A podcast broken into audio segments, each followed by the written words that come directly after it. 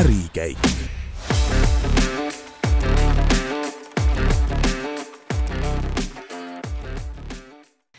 tere, head Ärikäigu kuulajad! Te kuulete Ärikäigu kahekümne üheksandat osa ja tänases saates räägime pikemalt ai ehk tehisintellekti tööriistadest ning sellest, kuidas ettevõtted need enda kasuks tööle saavad panna. meil on külas ai asjatundjad Jarmo Tuisk ja Kristiina Tuisk, tere tulemast! Tere, tere, tere. sünkroonis vastasime. ja tänased saatejuhid on Geenius ajakirjanikud Marta Peril-Grauberg ja Linda-Liis Laikoja küsimusi ette valmistades kasutasime meiegi natuke eh, ai abi, nii et eh, vaatame, kuidas see koostöö meil välja tuleb. Eh, Jarmo ja Kristiina, alustame sellest, et ma olen kuulnud ja näinud, et te olete korraldanud päris mitu veebikoolitust ai tööriistade teemal ja koolitate nii õpetajaid kui ettevõtjaid. mis on teie enda taust ja, ja kuidas te selle ai teemani jõudsite, Jarmo? minu taust on äh, üsna pikka aega mm, juba nagu IT-sektoriga seotud. Äh, ma töötan äh, tarkvaraettevõttes Agrello äh, tootearenduse juhina. Ja Agrellos me samamoodi natuke rakendame tehisintellekti lepinguhalduse teemadel, aga minu teekond tehisintellektini algas veidi enam kui poolteist aastat tagasi hoopis teisest kohast ja tollal me veel ei teadnud sellist äh, asja nagu chat-GPT, olid hoopis teistsugused asjad ja mind hakkas huvitama hoopis pildi loomine ja kujundite loomine tollal. Ja, ja sealt sai alguse, noh, kuna see areng toimus nii-öelda loetud päevade, nädalate jooksul niivõrd kiiresti, siis tekkis nagu selline sügavam huvi selle asja vastu, sest näha oli, et midagi hakkab siin maailmas nagu väga olulisel määral muutuma ja kuidas see muutus meid mõjutama hakkab, et selleks, äh, et selle nii-öelda ise ka järge pidada, siis saigi hakatud ise õppima äh, seda valdkonda siis juba pisut enam kui aasta tagasi aga miks just see visuaalne pool huvitas? Äh, ma olen pikka aega tegelikult tegelenud visuaalse poolega ja loenud, lugenud seda pigem nagu enda hobiks üldiselt, et äh, ja tollal äh, siis ei olnud ka ütleme, me noh, sellist asja nagu chat-GPT-d ei olnud,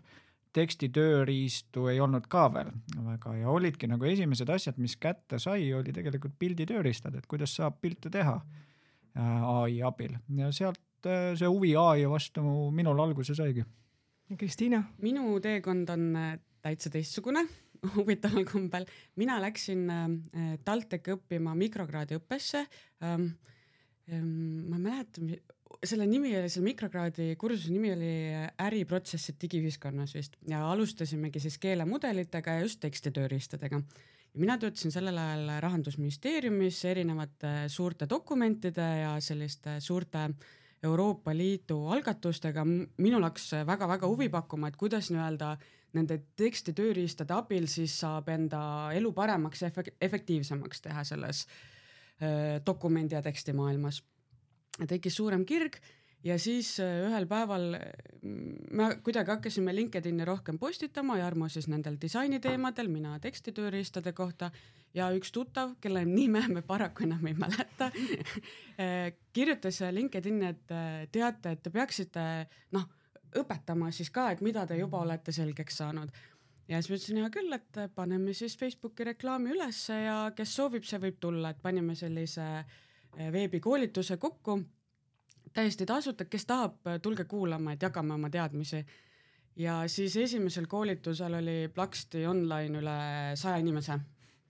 et, ähm, et nii ta läks ja vaikselt hakkas veerema, see on ka see üks nendest koolitustest, mida te olete siis näinud ja, ja mille vastu huvi tekkis. Jarmo, sa ütlesid, et, et sa tundsid ära, et midagi hakkab kohe juhtuma mm, -hmm. et mhm. kas seda ai tulekut võib võrrelda näiteks, ma ei tea Äh, raadioside või televisiooni või interneti tulekuga, et kas meie maailm on nüüd täielikult muutunud? meie maailm on äh, ilmselgelt muutunud, et ma olen üha rohkem tõmban paralleele selle ajaga, kui internet hakkas üha rohkem meie elus rolli mängima, see oli üheksakümnendate teisel poolel. et, äh, et ma olen ise ka selle aja nagu läbi elanud ja mäletan väga hästi, kuidas esimesi veebisaite sai tehtud ja äh, ja arendatud. et see on revolutsiooniline aeg tehnoloogia valdkonnas kindlasti ja, ja teda eristab mõnedest teistest muudatustest selline nii-öelda järsk läbimurre äh, võrreldes siis nii-öelda varasema olukorraga nii et selles mõttes jah, ta on sarnane, ma tõsi, ütleme raadio algusaegasid kuidagi ise ei saa mäletada ega televisiooni aegasid, et kui põnev see võis olla tollal. Aga, aga küll, aga ma mäletan seda, kui internet äh, ja äh, just hakkas laiemalt levima, et see on küll võrreldav jah ütlesite hästi, et sihuke järsk äh, tulek sellele, et kuidas te ise siis seda materjali kogusite üldse, et, et see tõesti tuli justkui üleöö, mitte et see ei oleks varem ju eksisteerinud, aga kust te seda õppematerjali kogusite, et ise see endale selgeks teha? Mina muidugi korjasin hästi palju TalTechis õpingute käigus, et äh, ja lugesin juurde ka, et äh, see on hea küsimus, äh, sest et uus materjal, vahel küsitakse, et miks me koos teeme asju, et Jarmo ütleb, et kuna asjad muutuvad nii kiiresti, siis samal ajal kui üks räägib, siis teine on internetis ja otsib juba, et ega midagi muutunud ei ole vahepeal. et see on küll pisut nali, aga, aga tõsi ka et ähm, me guugeldame kõvasti, äh, jälgime selliseid arvamusliidreid äh, ja, ja uudistega peab hästi kursis olema, et, äh, et nii on, on sul lisada midagi? ega need materjalid noh, tõesti ei ole niimoodi kursus noh, vähemalt tollal ei olnud sellist, et võtame nüüd siin kursuse tehisintellekt algajatele abc ja, ja võta ja loe see läbi. tegelikult ma võib-olla natukene äh, utreerin siin, sellepärast et äh, ega tehisintellekt ei sündinud äh, eelmisel aastal, on ju hästi vana teema äh,, nii-öelda valdkonnana juba, juba nii-öelda rohkem kui kümme aastat, kakskümmend aastat meie, meie laual olnud. mis muutus hästi kiiresti, oli see, et tuli see loov tehisintellekt, generatiivne tehisintellekt ja, ja ta selles mõttes äh, on nagu omamoodi huvitav nähtus, et ta ei ole nagu nii-öelda niisugune obskuurne ja ainult teaduslik äh, teema, vaid ta pakub äh, tegelikult võimalusi päris tavaliste lihtsate asjade ja ülesannete lahendamiseks. et noh, tõesti, et kui sa tahad omale pilti luua, siis loo pilt, kui sa tahad õhtusöögi retsepti küsida, küsi. kui sa tahad mingit ajaplaani teha oma mingisuguseks järgmiseks projektiks palun tee, et noh, need on nagu nii lihtsad elementaarsed asjad ja see köidabki tegelikult väga paljusid. ja siis on küsimus, et aga, aga mida, mida me seal õpime siis või mida me üldse õpetame eks ole, inimestele, et mis asi see on? ma arvan, et täna me oleme selles faasis, kus enamasti huvitutakse sellest, et äh, andke meile lihtsalt äh, nagu lai, lai ülevaade et mis siin üldse nagu toimumas on ja millised põhimõttelised võimalused on. et see on see, mida väga erinevates kohtades tahetakse, et tõesti alates õpetajatest ja koolidest kuni suurte nii-öelda ärigruppide ja kontsernide juhatusteni välja, et mis toimub Te alustasite sellise hobiprojektina, et mm. aga nüüd ikkagi olete väikse äri sellest ka teinud, et, et miks mitte sellist tarka teadmist endale jätta, et, et te nagu alustasite noh, täitsa tasuta, eks mm. ole, nende asjadega, et, et kust tuli see mõte, et vot, et ma nüüd jagan seda, mida ma tean? see on ka üks teema, mida me koolitustel katame ja see on, äh, kuidas me ise kutsume seda nagu üheks väljakutseks tehnoloogia valdkonnas, see on lõhede süvenemine ühiskonnas, digilõhede süvenemine. ja, ja me kuidagi nagu tunneme, et see, mida me teeme, peaks aitama pigem vähendada neid lõhesid oskajate ja mitteoskajate vahel, kui et suurendada. Äh, ja, ja see ongi laias laastus see meie missioon, et noh, meie jaoks nagu suurt vahet ei ole, et kas see, kes soovib õppida äh, töötab täna ühes ametis või teises ametis, on ta noor või on ta vana. meil on kõigil natukene vaja kohaneda äh, selle ai-ga, saada oma hirmudest üle äh, ja hakata proovima ja näha, et mismoodi just nagu konkreetselt igaühe enda elus võiks see asi nagu paremaks minna. omamoodi jah, selline nagu pigem sihuke missiooni asi ja pealegi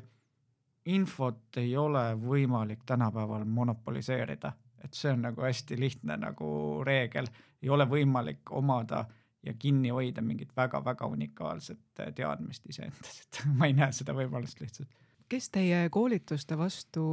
huvi on tundnud või, või mis on need sihtrühmad ja mida nad teada tahavad?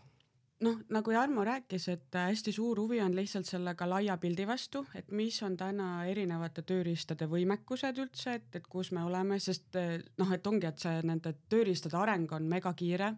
et need tööriistad ise ka, mida me õpetame, tegelikult äh, neid arendatakse näiteks, et ühel nädalal äh, logime sisse ja vaatame, et töötavad äh, ühtemoodi ja siis nädal aega hiljem logime sisse, vaatame, oo, et siin on noh, nii palju mingeid lisafeatuure juba juurde tehtud. Et need arenevad väga-väga kiiresti ja sellist noh, tervikpilti põhitöö kõrvalt ikkagi hoida on väga keeruline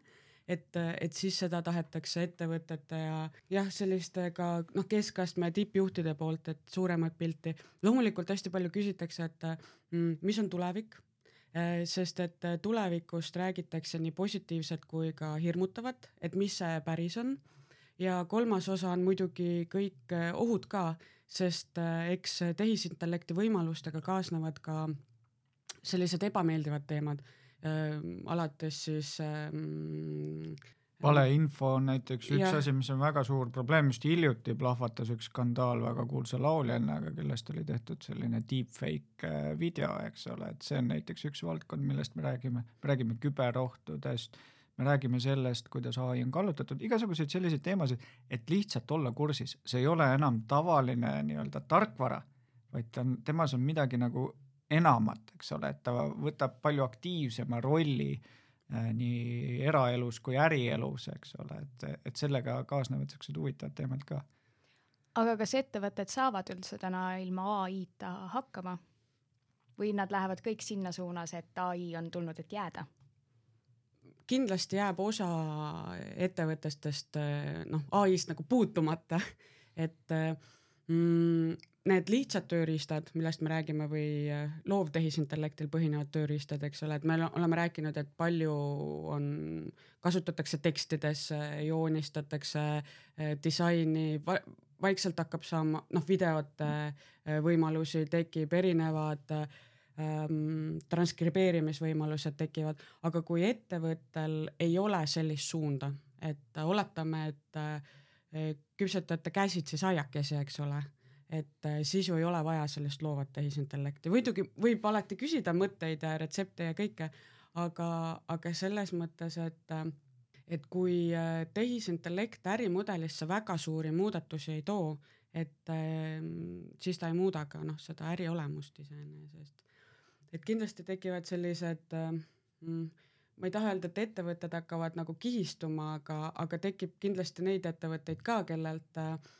tehisintellekt paratamatult äh,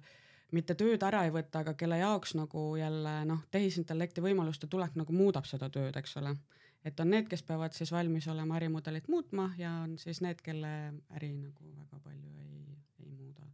no siin jooksva aasta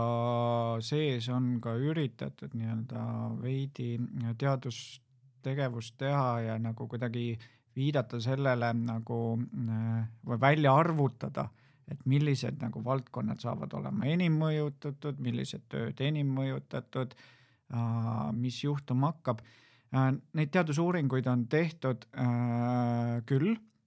ma siiski ütleks seda, et äh, veidi vara on teha järeldusi, veidi vara on teha järeldusi, et mis täpselt tõenäoliselt mõjutab väga-väga suurt hulka ettevõtteid, aga erineval määral. Äh, et noh nii-öelda anecdotal evidence on see, et teatud ettevõtted või teatud tööstusharud on juba väga tõsiselt mõjutatud, näiteks nagu äh, keeletoimetajad äh, või keeletoimetusele spetsialiseerunud ettevõtted, eriti just inglisekeelses keeleruumis. Eesti keeles veel mitte ma küsisin äh, ai käest ka, et noh, et mis kasu võiks siis ettevõtetel olla ja siis ta ütleb jah, et mitmel viisil olulist kasu saab ai tuua, sealhulgas äh, kulusid kokku hoida ja ta toob ka mõned näited, ma loen lihtsalt ette. Äh, automatiseerimine, andmeanalüütika ja prognoosimine, kliendi tugi ja suhtlus, tööjõu arendamine, kvaliteedi kontroll, turvalisus, protsesside optimeerimine, et kus ta kõige rohkem praegu sees on? mm.? kui lihtsalt nagu massiivi vaadata, mis siin nagu viimase aasta jooksul muutunud on, siis ma ütleks ikkagi, et kõige enam on ta täna tõstnud sellist äh, nagu produktiivsust, et nii-öelda lihtne inimene saab küsida oma eriala spetsiifiliselt rohkem infot juurde. ehk siis ta on aidanud tõsta teadlikkust ja oskuseid nagu lihtsatel töötajatel. see loetelu, mis sa tõid äh,, võiks endalt küsida, et aga kust ta teab või millel see põhineb äh, see põhineb nii-öelda varasema perioodi äh, peamistest rakendusvaldkondadest, kus kasutati eelmise põlvkonna, no võime öelda eelmise põlvkonna tehisintellekti, mis siis võttis näiteks, et suur korporatsioon võttis oma andmestikku ja treenis selle pealt mudeli ja tegi ennustused, et seal on just see andmeanalüütika spetsiifika peal. Aga need uued ette treenitud mudelid, nende võimekused on äh, teistsugused natukene, ehk siis, et nende võimekus on pigem olla võib-olla avardada sinu sellist äh, arusaama oma valdkonnast ka nii-öelda kaasamõtlejana ja väga palju siis konkreetselt ka tööd äh, tekstiga, et äh, saadki erinevates valdkondades tekstiga teha ja nüüd, kui mõtlema hakata, kus seda teksti me tänapäeva äriprotsessis näeme väga palju, siis üsna erinevates äh, kohtades tegelikult, et turundus tuleb küll kõige esimesena meelde ja seal on tõesti kõige rohkem tööriistu tehtud, aga väga palju projekti juhtimist, dokumenteerimist, failide analüüsimist, tekstide läbilugemist, kokkuvõtete tegemist, et seal on terve hulk asju, kus täna tegelikult kogu see chat GPT nagu jahvatab meil iga päev. aga jah, näiteks, et noh, Jarmo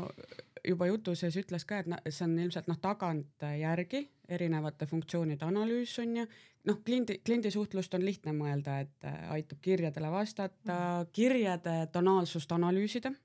et kliendi tagasisidet analüüsida, kindlasti seal on äh, rohkem võimekusi. aga kui vaadata teisipidi, siis noh, näiteks viimasel ajal Mm, kus ma näen, et on suur potentsiaal, on see chat with vision on ju, ehk siis pildiga noh, pildi lugemise, pildiga vestlemise võimekus, et, et no lihtne näide on see, et teed külmkapi sisust pilti ja siis palud chat-GPT käest mm, õhtuks retsepte on ju, katsutasime ise läbi, väga hästi teeb, aga see on selline lihtne näide, et aga kui mõelda, et äh, mida sellise pildi lugemisega ja ülesannete lahendamisega päriselt tulevikus teha saab, siis on väga keeruline ennustada, et, et kus need äh, parendamise võimalused on või, või. või ka kust... kus kohas need piirid üldse on, et kuhu maani me mm -hmm. välja jõuame selle pildi lugemisega. et noh, et äh, sellised noh, naljapostitused on ka olnud, eks ole, et kal-, katkine jalgratas, et teed pilti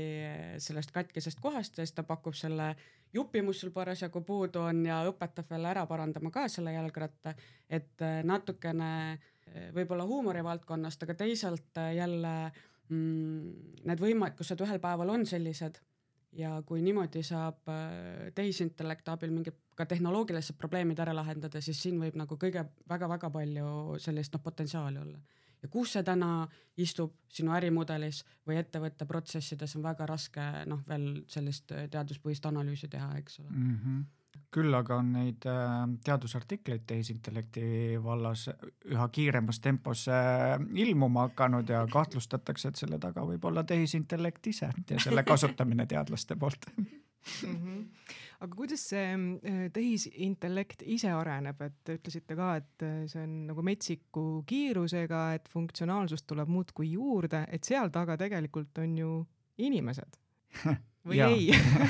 Täna veel ei ole olukord, kus tehisintellekt ise äh, uusi tehisintellekte sünnitab, et me sinnamaani ei ole jõudnud, et ikkagi inimesed äh, on need, kes neid erinevaid äh, nii-öelda alus tehisintellekti mudeleid äh, siis loovad, aitavad äh, treenida ja käivitavad ja juhivad kogu seda protsessi.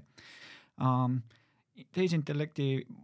maailmas äh, on neid nii-öelda alusmudeleid või suuri mudeleid loetud arv, neid ei ole väga palju, sest nende treenimine on väga mahukas töö ja väga kulukas töö küll aga on siis nende loetud arvu mudelite peale loodud hästi palju aplikatsioone või äppe, mis teevad erinevaid asju, kasutades sedasama tehisaju. et see, mis meile tundub, see metsik äh, arengukiirus on see, et me avastame üha rohkem, et mida see nii-öelda see aju ise tegelikult veel suudab teha. Et äh, on öeldud niimoodi, et isegi kui täna seisma panna äh, suurte mudelite arendamine, siis meil on viis-kuus aastat veel puhtalt olemasolevate mudelite nii-öelda avastamisrõõmu, et, et näha veel, mida ta suudab, et me oleme selles faasis alles, et, et nii-öelda issand, ta teeb seda ka või, siukseid nagu selliseid üllatusmomente tuleb veel juurde ja juurde Te mainisite seda nii-öelda neid pahupooli ka, et just see eetilisus, et kus me täna sellega oleme ja kas me saame sellele mingi lahenduse ka lähiajal ähm,? siin on mitu teemat äh, koos äh, üks äh, eetilisuse teema, mille üle nagu äh, arutatakse mis, mis jõuab ka äh, üha rohkem kohtutesse, on see mm, treenimisega seotud eetika ja treenimismaterjalide kasutamisega seotud eetika. et, et see kõige lihtsam asi ju, et see kõik on kellegi poolt kunagi loodud, inimeste poolt loodud materjalid ja kuidas siis nüüd üks ettevõte kõik nad võttis nii-öelda läbi analüüsis ja nüüd loob nii-öelda uusi asju nende inimeste poolt ja kuidas me peaksime edaspidi siis äh, sedasama tegevust siis nagu vaatama või kas seal on vaja nagu regulatsioone või reegleid või kokkuleppeid, et mida me sellises olukorras teeme. täna on see läbi vaidlemata, et kuidas see on, et on nii-öelda vana praktika, äh, mis ütleb seda, et äh, nii-öelda kopeerimine otse ei ole okei okay,, aga kui sa kasutad nii-öelda materjali õppimiseks, et siis see on nagu okei. Okay aga kui me tulevikku vaatame, siis on kindlasti see küsimus, et äh, mille pealt tulevikus tehisintellekt peaks õppima ja kas seda nii-öelda mm, materjali, mida õppimiseks luuakse, kas seda peaks eraldi äh, käsitlema kui eraldi tüüpi loominguna äh, käsitlema ja sealhulgas ka siis nendele autoritele äh, kas siis noh, nii-öelda maksma selle eest, et nad tegelevad sellega, et nad treenivad äh, siis uusi tehisajusid. eks seal, seal on nagu valdkond, kus täna ma ütleks, et äh, sihukest nagu läbivat kokkulepet ei ole, me ei ole selle küsimuseni jõudnud, sest see moment äh, on veel, tundub natuke kaugel olevat, et kui tehisajul enam ei ole millestki õppida, eks ole, aga mingil hetkel see tuleb ja siis on küll küsimus, et äh, kust see info ja teadmine ja oskused peaks nagu tulema. see on üks eetika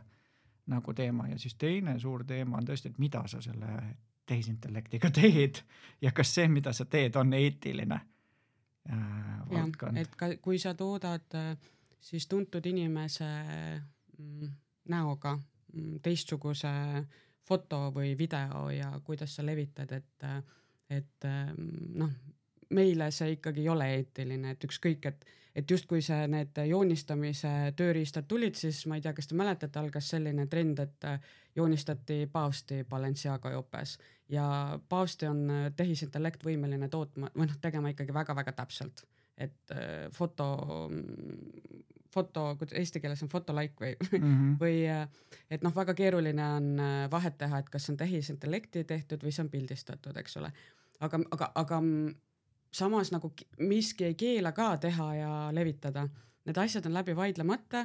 ja selles mõttes, kui me oleme rääkinud adv advokaadibüroodes või sellise juurataustaga inimeste juures, me oleme öelnud, et noh, tehke oma kõik need eksamid ära ja ilmselt tulevik on noh, tööpõld on lai nendes mm -hmm. küsimustes, et need vaidlused alles tulevad eriti suur probleem mulle endale tunduvad, on need petukirjad, mis on aina nagu tõe, tõelisemad lihtsalt, sa vaatad postkasti ja noh, ei olegi enam äh, Venezuela, Venezuela prints sulle kirjutamas, vaid noh, hoopis keegi lähedasem. just eile sain äh, ühe sarnase SMS-i, jällegi kutsuti nagu äh, nii-öelda Omniva nimel pakki välja võtma, väga korrektne eesti keel, kõik oli väga viisakas, et no kohe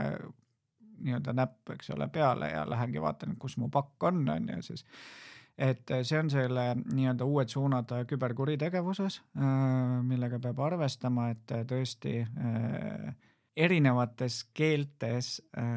ja kultuuriruumides nii-öelda liikumise, orienteerumise lihtsus on oluliselt nagu kasvanud, eks ole, et, et nad suudavad tõesti väga hästi matkida seda, kuidas me räägime, eestlased omavahel eesti keeles ja mis võiks siis olla need head nipid, kuidas siis õngitsuskirjasid kirjutada. pluss noh, nende maht öö, oluliselt kasvab, noh et, et õngitsuskirja kirjutamise võimekus, kiirus kasvab oluliselt, et kui enne pidid ise kirjutama, siis nüüd võid ChatGPT-le öelda, et kirjuta tuhat sellist ja, ja muudkui toimetab. jah, ja veelgi enam, et varieeri ka neid veel natukene ja, ja, ja tuleb. ja loomulikult kõnet on ju ka võimalik matkida, et häält selles mõttes, et eesti keeles on neid variante küll vähem, aga inglise keeles on ikka lihtsalt vaja äh, Äh, no üks minut äh, mind näiteks kõnelemas inglise keeles ja on treenitud minu häälest nagu koopia ja võib panna mind rääkima, kuidas soovite. ehk siis järgmine kord ei pea nagu ekstra mind siia podcast'i paluma,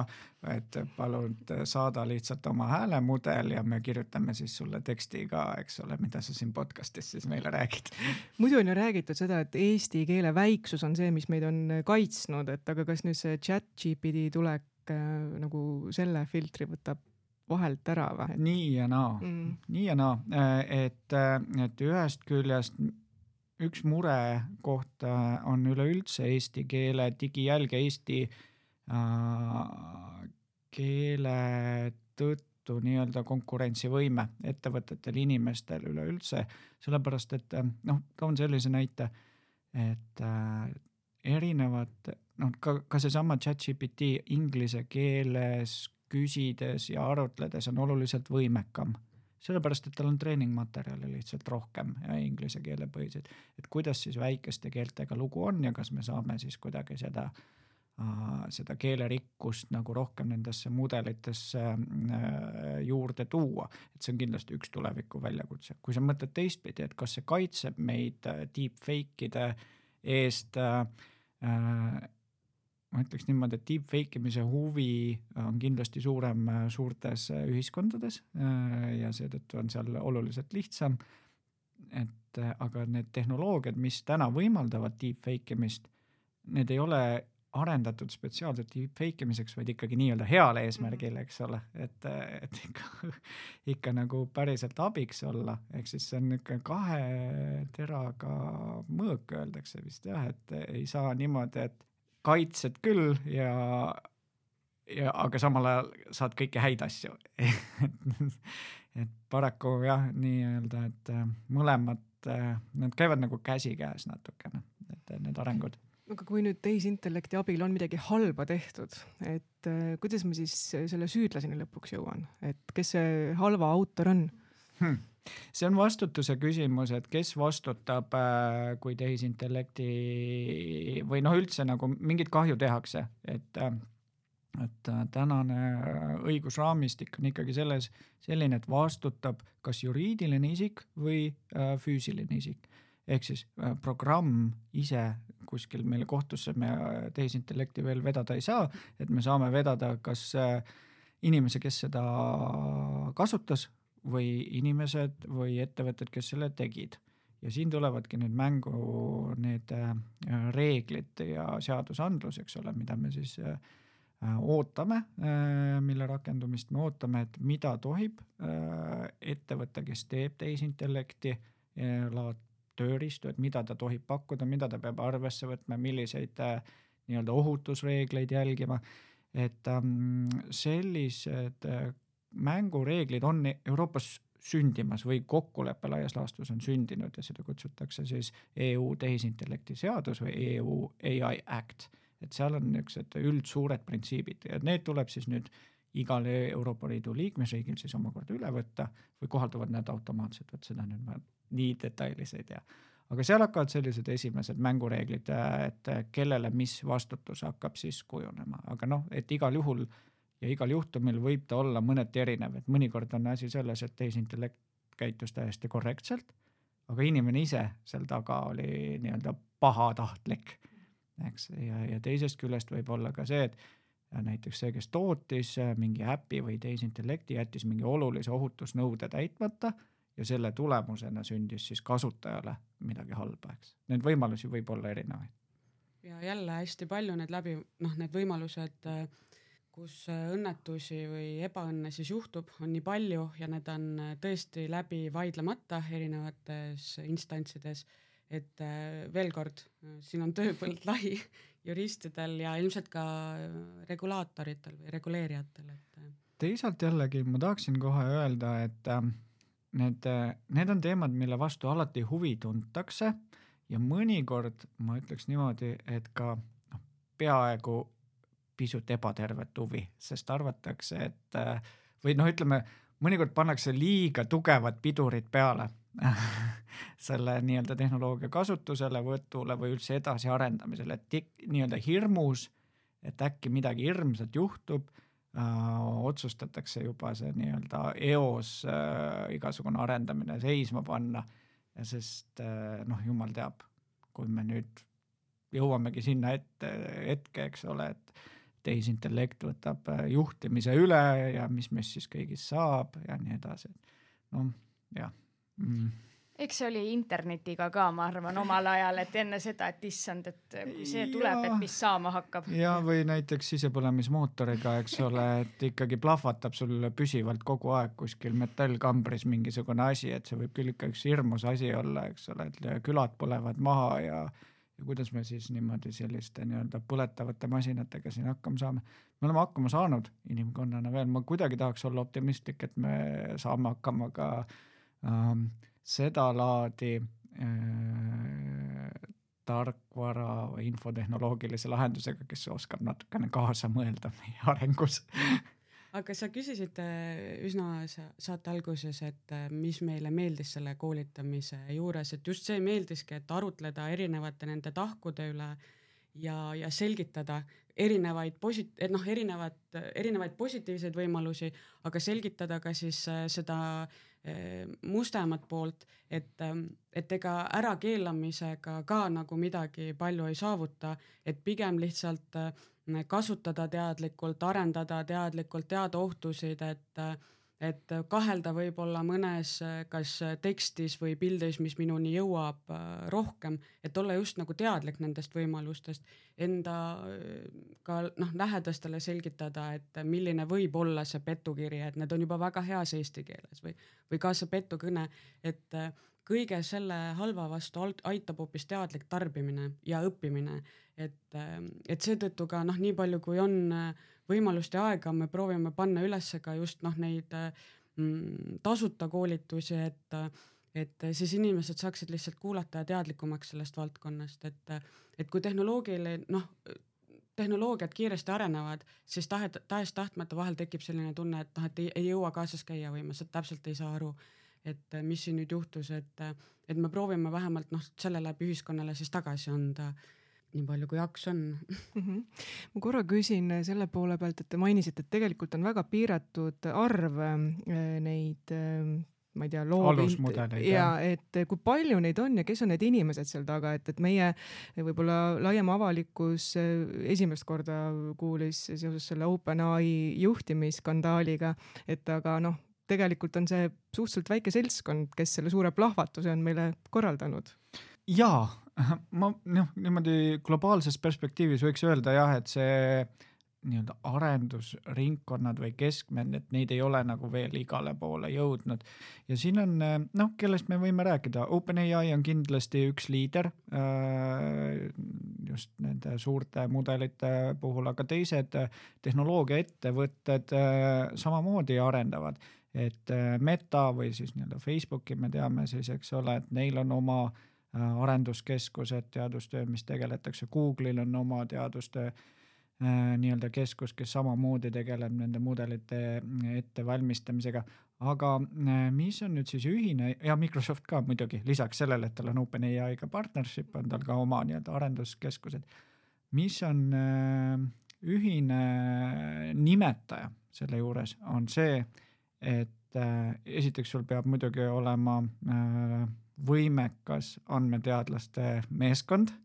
äh,. aga teiseks, sul peab olema ligipääs väga tugevale tehnilisele infrastruktuurile, et neid mudeleid äh, arendada, ehk siis, et siin mõnda aega äh, eelmisel aastal oligi nii-öelda arengu peamiseks piduriks see, et ei olnud äh, kiipe saada, et ei jõutud nii kiiresti neid kiipe, mis suudavad neid äh, suuri mudeleid treenida ja teenindada, neid ei olnud enam saada maailmas. et sellepärast äh, läks üles kohe ka Nvidia aktsia, sellepärast et tema on üks juhtivaid nende nii-öelda tehisajukiipide äh,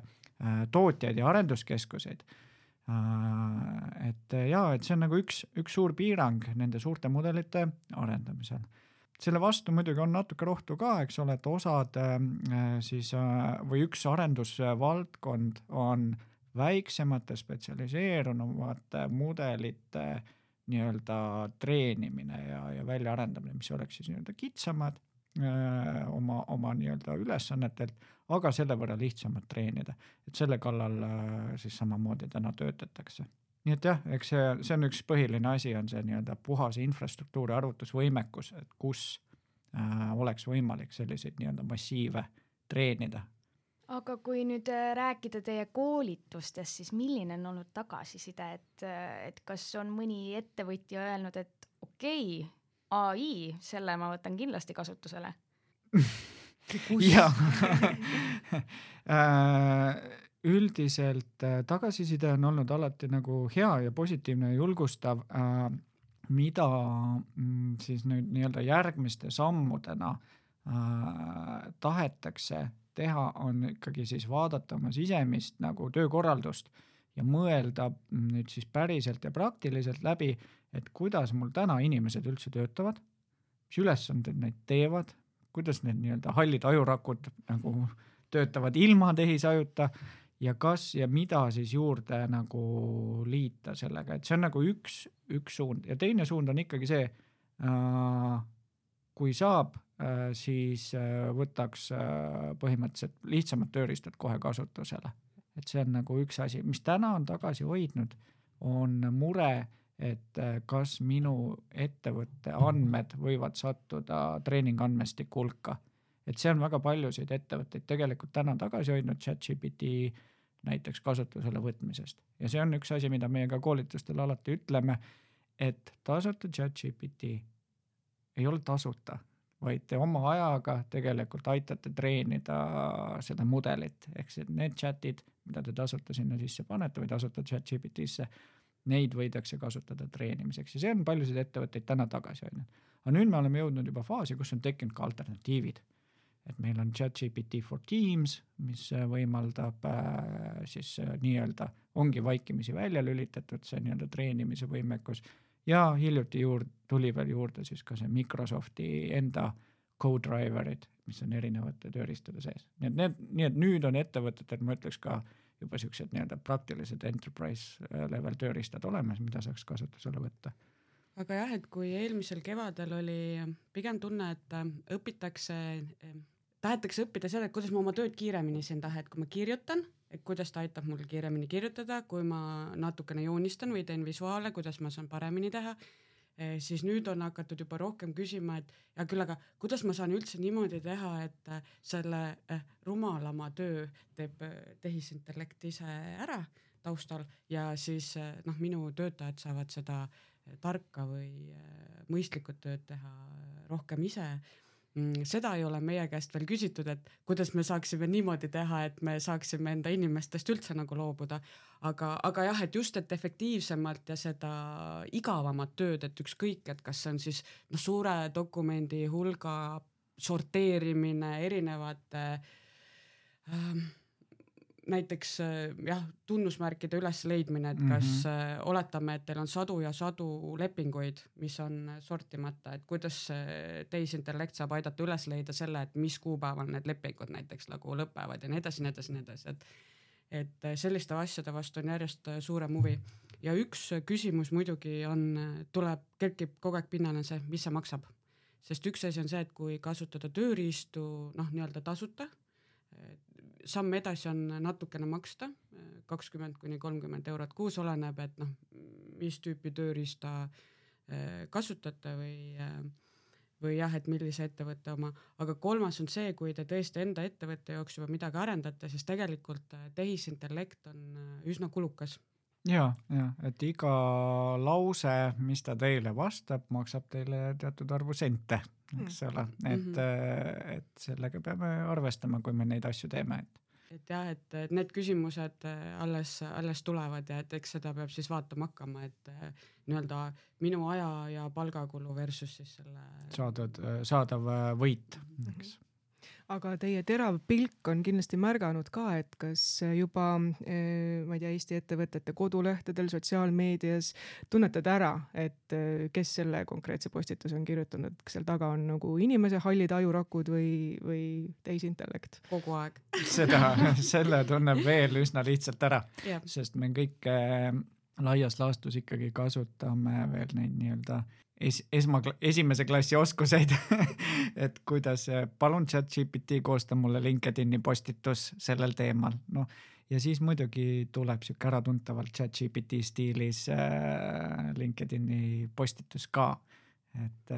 et ikka, ikka tunneb ära äh, selle küll jah, ja ikka kasutatakse, muidugi kasutatakse ikka. aga mis mulje see, mis mulje see jätab siis, et kui ütled, et näed, et keegi on enda profiili peale pannud mingi LinkedIn või äh, chat GPT tehtud postituse, et mi, mi, mis siis, mis sa siis mõtled sellest inimesest, kas ta oli nutikas või ta oli laisk? kui see on äh, väga hästi koostatud, äh, nagu mõnus lugeda ja mm, kirjavahemärgid on õige koha peal, väga kena, aga palju on ka igasuguseid ma ei tea, kas siis inimesed, need, kes tehisintellekti abil kirjutavad või joonistavad, ei vaata üle või ei loe läbi, aga tõesti noh, tunneb ära ka Äh, inglisekeelse grammatika järgi näiteks on ju, et, et ei ole nagu lauset eesti keeles päris õigesti mm,, siis jätab pigem halva mulje, et me oleme enda koolitustel öelnud, et, et ärge postitage, vaadake, vaadake üle. Mm, lisaks armastab tehisintellekt aeg-ajalt äh, panna väga palju emotikone äh, sinna postituse juurde, emotikone, mis ei ole üldse selle postituse sisuga seotud. et ähm, ähm postitatakse rohepöördest, aga kusagil on keskel mingi suvaline beebi või nagu veel midagi muud onju. et need tasub kindlasti üle vaadata, see ei jäta üldse head muljet, et pigem hoopis halva. ja, ja kui nüüd see üks mudel, Tali kolm, mida palju kasutatakse, eks ole, joonistuste tegemiseks, tema armastab kirjutada piltide peale, aga ta ei oska eesti keelt hästi ja päris õudne on vaadata, et ikkagi postitatakse neid, et seda ma olen ka öelnud, et ma üldse ei soovita seda, see on päriselt on see digiprügi et kui inimene teeb äh, vigu, äh, kirjavigu, kas tekstis või siis joonistuste peal, siis ikka ju me toimetame seda, eks ole, et me ei postita, et miks me siis tehisintellektiga seda teeme. Natukene laiendada seda teemat äh, ja võib-olla jälle tuleviku poole vaadata, siis tasub end noh, noh nagu küsida, et aga mis selle sotsiaalmeedia mõte algselt üldse oligi eks, et me täna väga palju kasutame seda sotsiaalmeediat noh, väga selgelt ettevõtte turunduslike eesmärkide saavutamiseks, oma kaubamärgi äh, siis nii-öelda tuntuse tõstmiseks. Ähm, ja siiamaani on ta nagu töötanud, sest muidu ei tehtaks seda, et ikkagi, kui sa näed ettevõtet ühtlases nii-öelda infovoos aktiivsena, siis see töötab. Äh, selle ettevõtte tuntus kasvab, kuid tulevikus nagu vast on, äh, on meie ees tõesti küsimus, et kui masinad toodavad äh, sisu ja piiramatus ja ohjeldamatus tempos seda sisu töötavad, et kuidas siis ühe nii-öelda kaubamärgi või teenuse äh, nii-öelda siis tuntus või, või, või, või, või siis nii-öelda ulatuvus äh, meedias nagu olema saab hakkama, eks ole, et et ma, ma kahtlustan, et me kanname veel mõnda aega natuke neid vanu mustreid äh,, kasutame tehisintellekti, et justkui nagu võimendada oma nii-öelda kaubamärgi levikut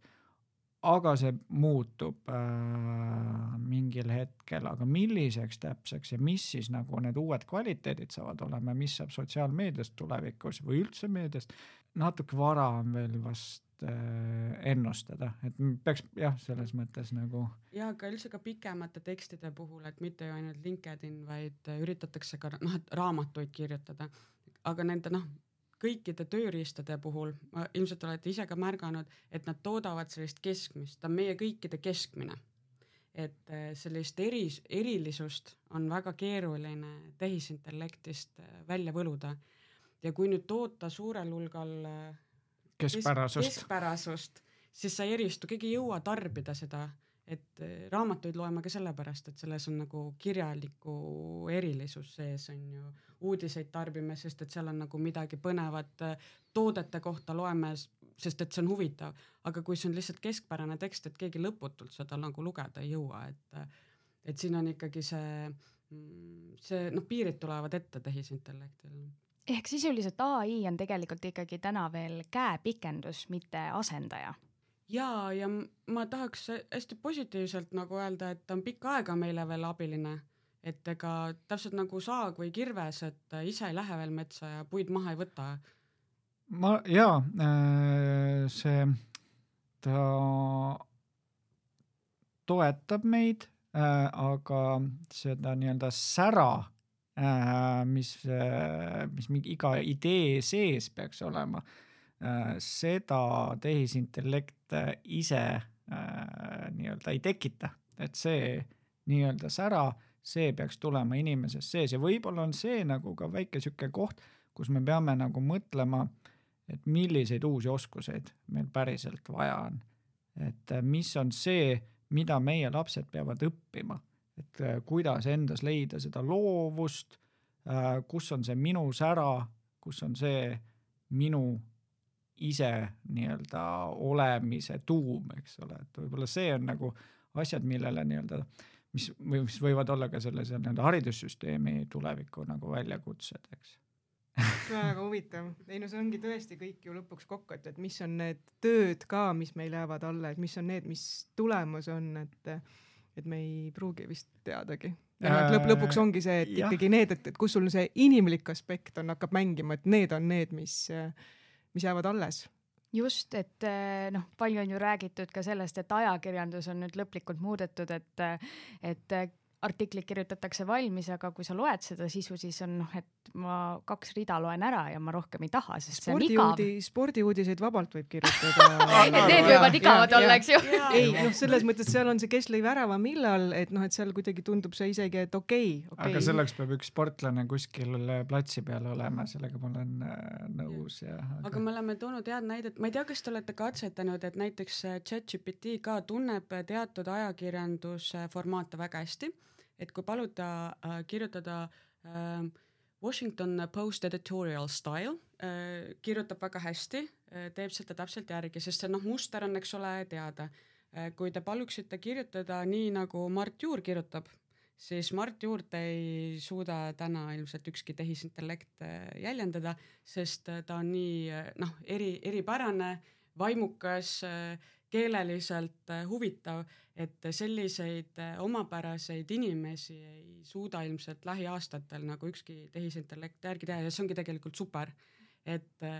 et ongi ja see, see on tore, et siis me saame kõik selle nii-öelda keskpärase jama ülesande anda ma ei tea, kas need on spordiuudised kellegi meelest kindlasti mitte, keskpärase jama anda ja noh, nautida seda inimeste just nagu omapära, eks ole. mina küll usun, et see tulevik ikkagi läheb paremaks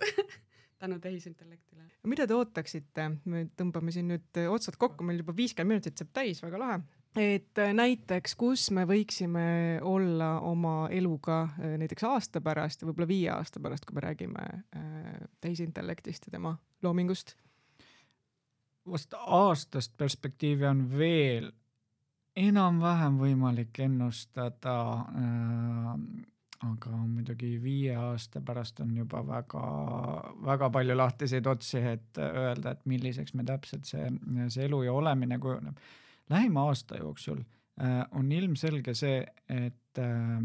absoluutselt äh, kõikjal äh, on seda tehisintellekti näha äh, ja mõnes, mõnel kohal nagu rohkem ja teisel kohal varjatult, aga ta on meil igas äri ja elu nagu valdkonnas äh, sees. et äh, seda päris kindlasti siin aasta jooksul toimub ja, ja tööd tehakse just selle nimel, et äh, see, mis täna äh, on võib-olla veel nii-öelda raskesti kasutusele võetav, et ta oleks üha kergemini kasutusele võetav ja oleks lihtsamini integreeritav igasugustesse protsessidesse. et see, see väga selgelt nagu töötab ja nagu ma ütlesin, siis tänaste nii-öelda baasmudelite võimekused on tegelikult juba piisavad, et äh, väga palju, üsna mitu aastat nagu, nagu toimetada. samal ajal äh, siis nii-öelda arenduslaborite sihuke püha ülesanne või see, mis nad endale ise eesmärgiks on seadnud, on töötada edasi äh, tehisintellektiga ja katsuda siis nende võimekust veelgi nagu rohkem kasvatada. Äh, ehk siis jõuda sellise nii-öelda olukorrani, kus võiks öelda, et tehisintellekt äh, on inimesega võrdne kõikides ülesannetes, sest täna tehisintellekt seda ei ole et ähm, täna tehisintellekti nii-öelda võimekus teatud kohtades võib olla suurem kui inimene, teatud kohtades vähem, kuid keskmiselt või üldistatult võiks ikkagi öelda, et inimkond üldisena on ikkagi võimekam kui tehisintellekt täna. aga jah, selle nii-öelda artificial general intelligence'i suunas nagu äh, selline arendustegevus käib. Äh, kas sinna jõutakse siin aasta perspektiivis ma jääks natuke kahtlevaks. et, et pigem on siin nagu peamiseks piirajaks see, et kust saada uusi äh, treenimis nagu mõtteid, sest internet on talle selgeks õpetatud, kust uusi asju üks tehisintellekt võiks õppida teiseks, et kus kohas seda treenida, kus saada suurt võimekust treenimiseks, need on piirajad ja kolmas, mille võib juurde tuua, on see treenimise sisu, et kui me enne rääkisime, et me toodame tehisintellekti abil siis nagu kummalist sisu, mille üles paneme ja siis see satub omakorda jälle treeningmaterjalide hulka, et on noh, inimesi, kes usuvad, et tehisintellekt seeläbi teeb justkui iseennast nagu rumalamaks, onju et eks see väike protsent on seal ju võimalik, et, et mõjutab et ma ütlen, et te, teiselt poolt liigume nagu vastuvoolu ka veel nagu, et toodame sellist rumalatamat content, content'i, et ähm, kas see tulevik, see hirmus tulevikus nii-öelda tehisintellekt toodab äh, veel uue tehisintellekti või endale ports alluvaid või noh, neid tulevikke on hästi mitu, äh, mida siis äh, räägitakse, et mis võib viie aasta pärast olla, et me ise pigem oleme kahtleval seisukohal, et kas see noh, nii kiiresti kiiresti juhtub, et äh, ma arvan, et me täna või lähiaastatel ikka õpime neid tänaseid võimekusi tundma veel. ma küsin äh, lõpetuseks, et palun soovitage kumbki äh, enda kogemuse pealt üks kõige ägedam tööriist, mis on aidanud teil kas oma tööd või elu lihtsamaks teha? ja ainult ühe peab valima rohkem ka ei noh äh,, ma ei kõla eriti originaalselt, aga äh, OpenAI välja töötatud ChatGPT on tänase päevani kõige universaalsem ja silmas pidada just seda, eks ole, et me räägime siin tasu, tasulisest versioonist, kus neid võimalusi on, äh, on tõesti kõige rohkem, et see on nagu tegelikult muutnud elu äh, märkimisväärselt aga, ja te-, ma tahaks seda teist öelda ja see on see pildiloome masin Midjourney, mis mulle lihtsalt isiklikult siiamaani kõige rohkem meeldib. ja see on see, kes minu nii-öelda meelelahutuslikke vajadusi äh, väga hästi rahuldab. no Jarmo võttis minu vastuse ära, nüüd midagi ei ole teha, et eks see äh, ChatGPT tasuline versioon on täna kõige võimekam ja mitmekülgsem aga lisaks äh, ma ütleks siis ka kaks, kui sa said kaks, et üks on chat PDF, mis on mõeldud äh, suurte PDF-ide analüüsimiseks, äh, aitab kokku võtta, jutupunkte teha, tõlkida kõike, et tegelikult on see tööriist isegi võimekam kui see, mis siis ChatGPT enda sees on. ja teine äh, uus avastus, mida ma veel ise õpin natukene, on Geni ai, mis on siis mõeldud äh, erinevate teadusartiklite ja teadustööde kirjutamiseks leiab äh, siis viidatavat materjali, võtab sisse sinu enda toodetud materjali ja on ilmselt halvaks üllatuseks paljudele ülikoolidele. aga, aga tõesti väga kvaliteetne tööriist, et õpin seda ja imestan kogu aeg, et äh, väga kihvt. ja mis selle Geni ai-l on teisiti, on see, et eks ole, kui ChatGPT kirjutab valmis äh, mingi pikema jutu, ütleme neli-viis lõiku siis selle tööriistaga sa kirjutad koos niimoodi lause kaupa, et, et olete kooskirjanikud, et väga vahva. kus see Jenny siis oli, kui ma oma lõpu, lõputööd kirjutasin? ja täpselt ja esimest korda elus kaalun doktorantuuri minekut küsimus on lihtsalt, et kes diplomi saab, kas sina või Jenny ja minul, ma võin jagada seda. kahe peale. kahe peale, aga ei no teinekord on tore ise ka kirjutada, aga lihtsalt äh, jah, see on jälle, jälle nagu tulevik, et väga äge. kahasse on ikka toredam.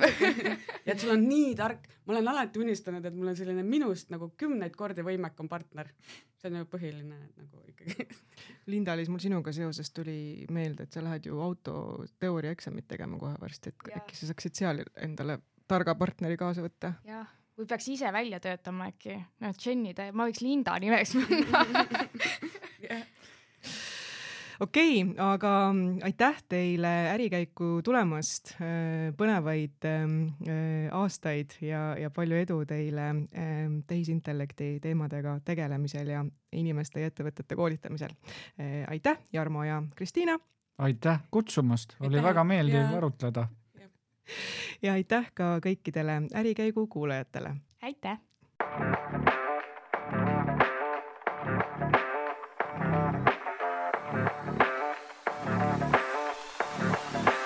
Ärikäik